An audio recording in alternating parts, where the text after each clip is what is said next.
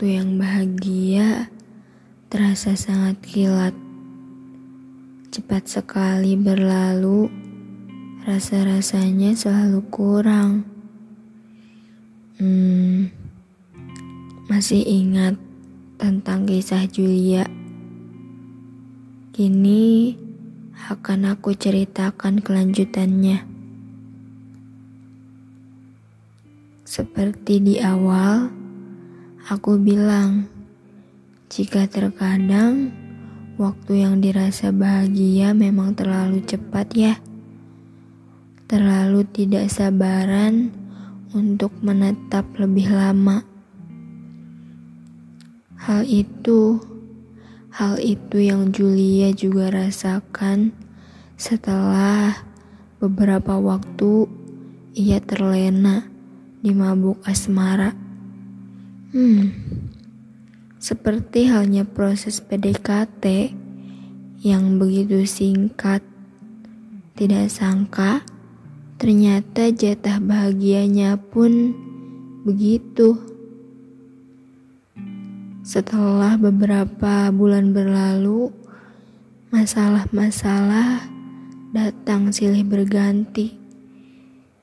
Mungkin itu semesta kirim untuk menguji seberapa kuat ikatan yang dibangun oleh Julia dengan pacarnya yang diketahui ternyata bernama Ikal. Iya, Ikal. Belakangan ini mereka sering bertengkar entah karena masalah kecil sampai besar, atau masalah kecil yang dibesar-besarkan.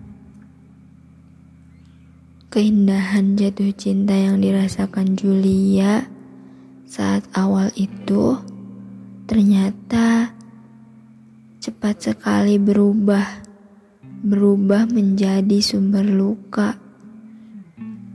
Namun, di saat-saat itu, saat sedang menghadapi banyak masalah dengan pacarnya itu, Julia juga memiliki seorang teman yang sangat dia percaya untuk berbagi cerita dan keluh kesahnya. Temannya itu bernama Nira. Sahabatnya sedari masa sekolah menengah pertama. Julia menilai Nira adalah sosok pendengar yang baik bagi semua cerita-ceritanya. Nira adalah seorang remaja wanita yang cantik, anggun, dan lemah lembut.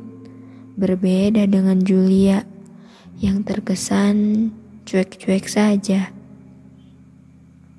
Hal itu membuat banyak orang yang mengagumi Nira, apalagi remaja laki-laki seumurannya. Pada kasus ini, kasus permasalahan yang mulai sering mendatangi Julia dan Ikal, tak jarang Nira juga ikut andil dalam menyelesaikannya. Julia juga terkadang sering meminta bantuan pada Nira untuk mewakilinya berbicara dengan Ikal tanpa ada kecurigaan apa pun. Sampai sampai pada suatu ketika akhirnya semua itu hancur.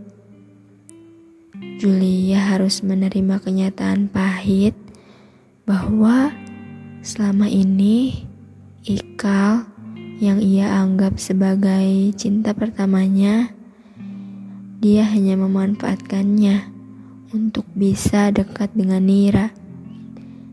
Ya, dengan Nira, sahabat dari Julia itu sendiri.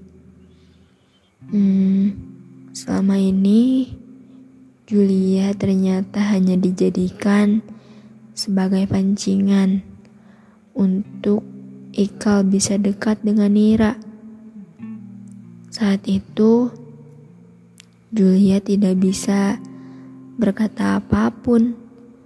Ia hanya mampu menangisi dan berharap itu semua bukan kenyataan.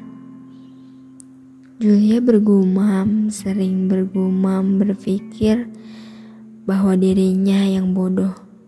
Aku bodoh, aku bodoh, terlalu cepat termakan janji omong kosongnya. Tapi di suatu ketika dia juga berpikir, hmm, apakah aku yang bodoh atau dia yang jahat?